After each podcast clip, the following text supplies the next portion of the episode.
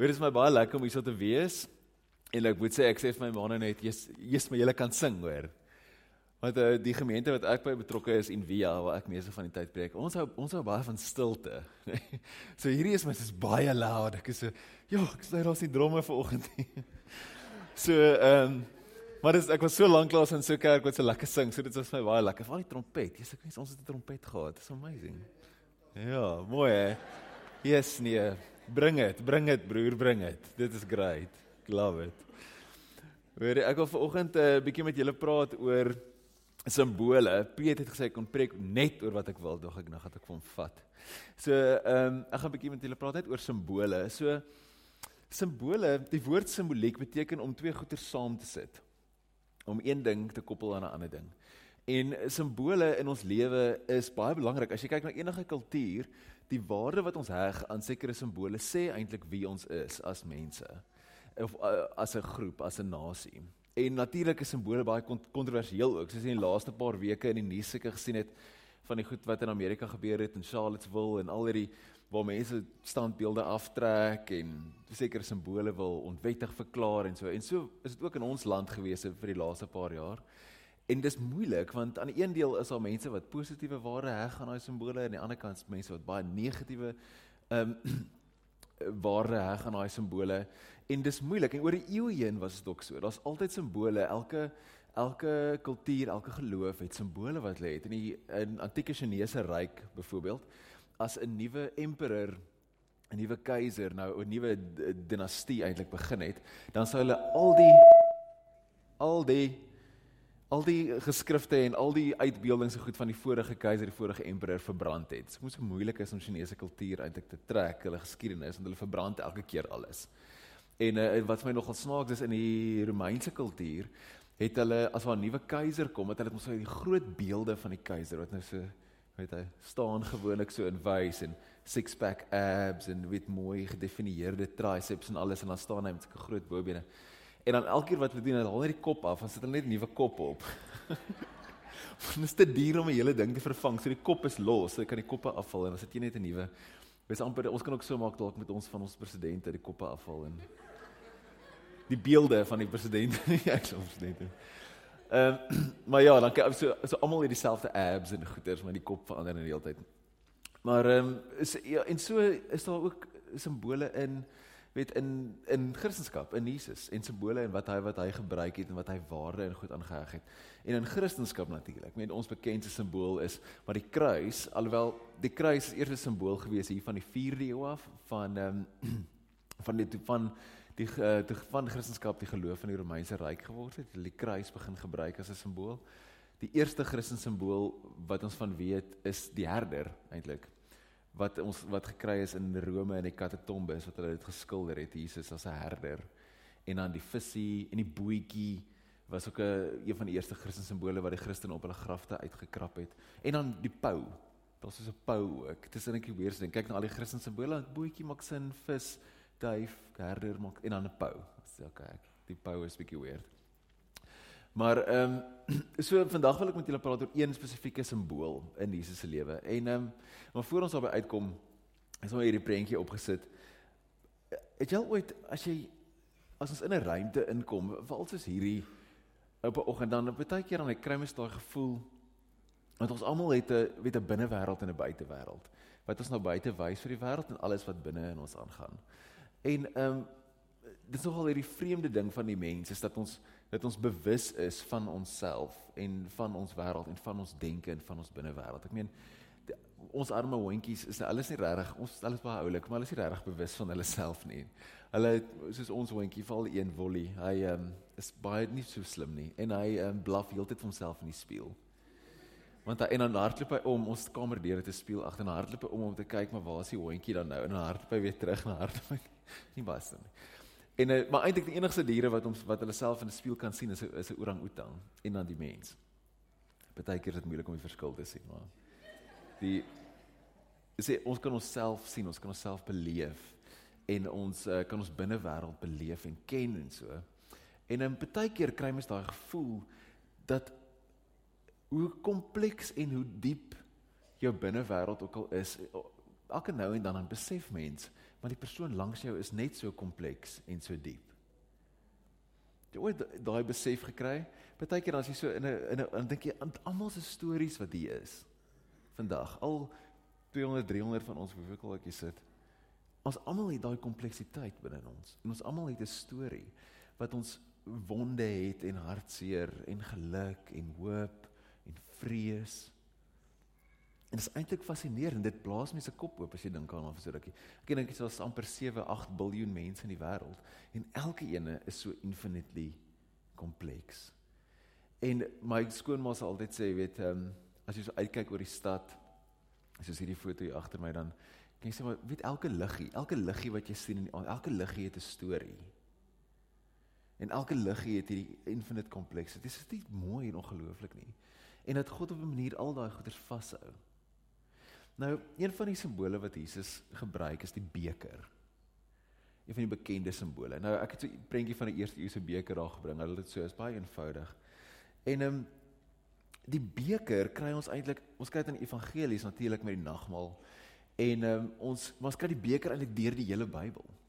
En die beker, dit gaan nie altyd so seer in die Bybel wat watter beker dit is nie. Of dit nou 'n fancy goue beker is en of dit nou 'n blikbeker is en of dit nou dit of dat is nie. Dit gaan oor wat binne in die beker is. Die tekste praat altyd oor wat is binne in die beker. So in Psalm 23 dan is dit die bekende teks wat sê my beker loop oor. Weet my beker is vol geluk en vol seën. En in ander dele van die Bybel ek het daar Esegiel 25 opgesit eintlik of 23 sorry Dit sê so sê die Here my God, jy sal die beker drink wat jou suster moes drink, 'n diep wye beker. Jy sal bespot en uitgelag word want daar's baie in die beker. Jy sal jou vol drink en dronk word van swaar kry. Die beker wat jou suster Samaria moes drink, is 'n beker vol angs en skrik.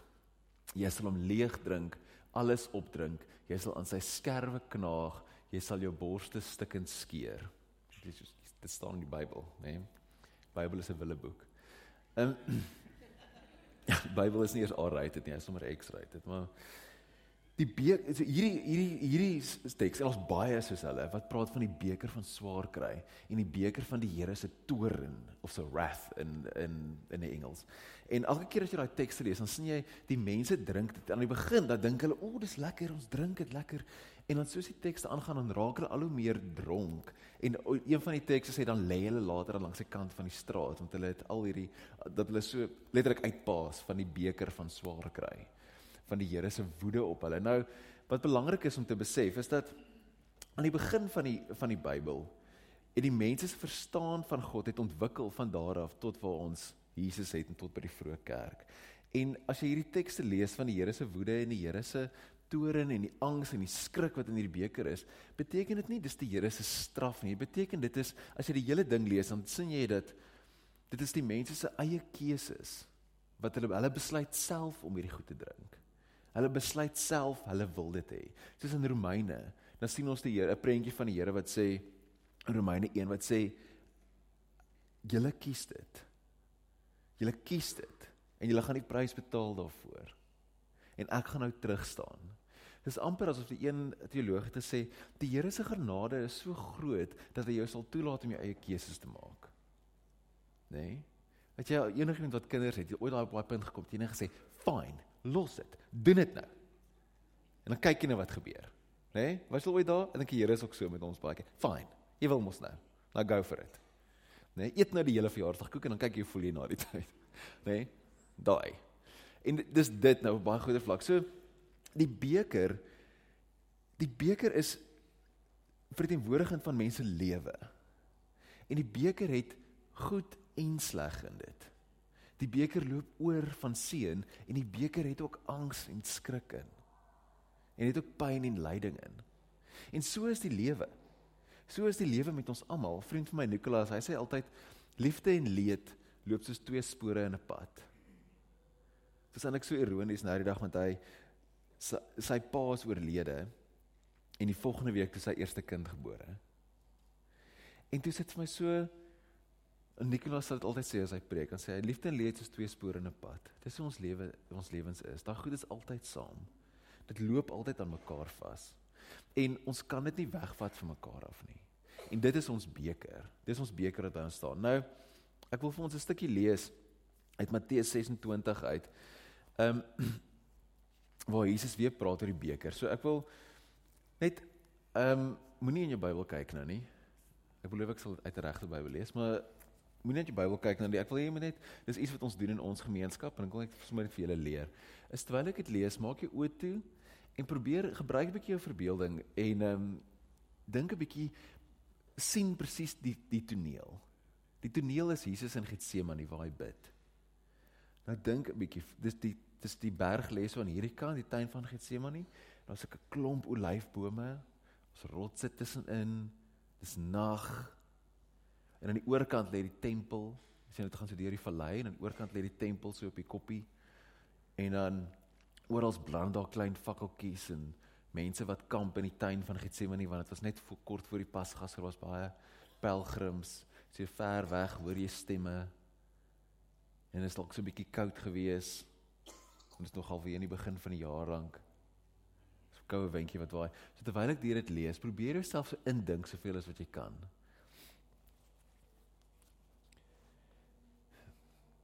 Daarna kom Jesus met sy disippels by die by 'n plek met die naam Getsemane. En hy sê vir hulle: "Sit hier terwyl ek daar gaan bid." Hy het vir Petrus en die twee seuns van Zebedeus saamgeneem. Toe het hy bedroef en beangs geword en vir hulle gesê: "Ek voel doodsbenoud. Bly hier en waak saam met my."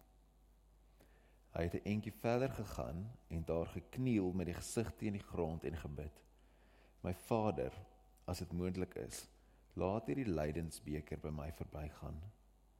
Maar nogtans nie doen soos ek wil nie, maar soos U wil. Daarna kom hy na die disippels toe, terug en hy kry hulle aan die slaap. Hy sê toe vir Petrus: "Kon julle nie eens 1 uur lank saam met my waak nie?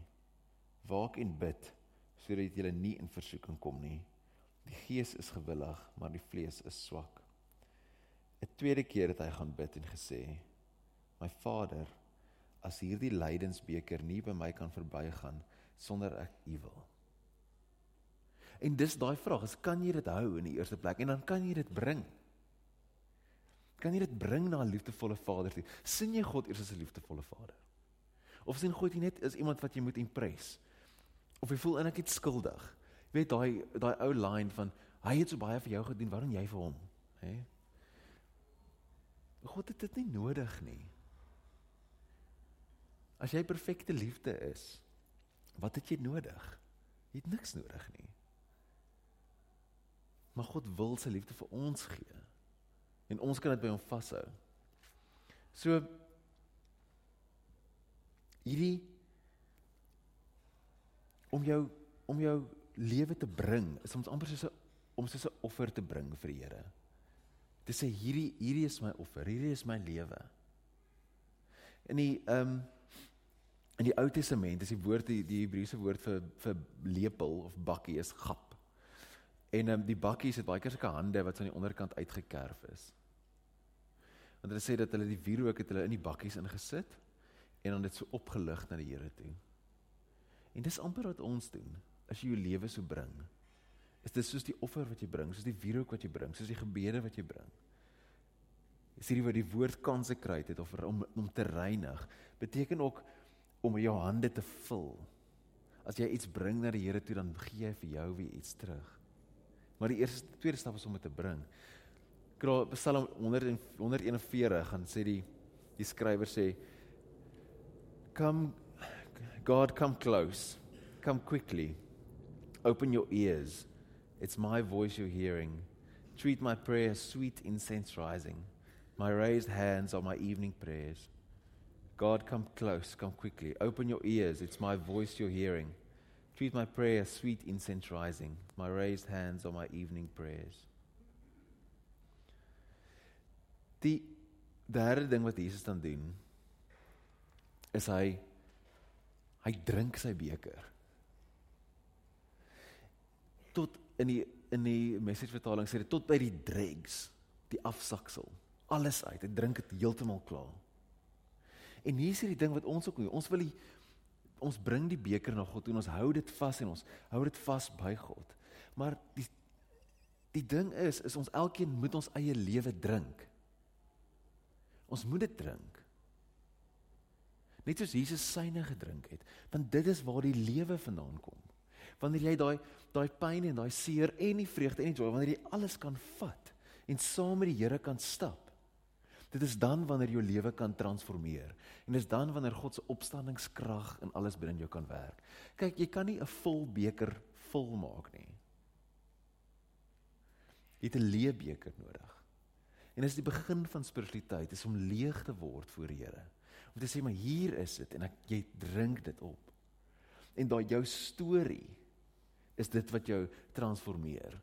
Jou seer en jou pyn en wat ook al jy, dit is dit wat help dat jy nader aan die Here kom. Die kruis wat jy moet dra.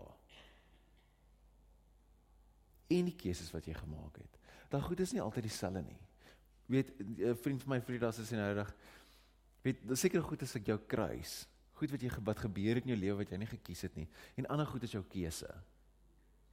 En beide van dit moet ons drink. Maar saam met die Here in sy teenwoordigheid. Want as jy die pad mooi volg van tuin van Getsemane af tot waar Jesus dood is, is God is die heeltyd by hom. Selfs al dink Jesus God is nie daar nie. Selfs al sê hy wanneer het jy my jy het my verlaat. As jy daai hele Psalm gaan lees, dis Psalm 22 wat Jesus quote.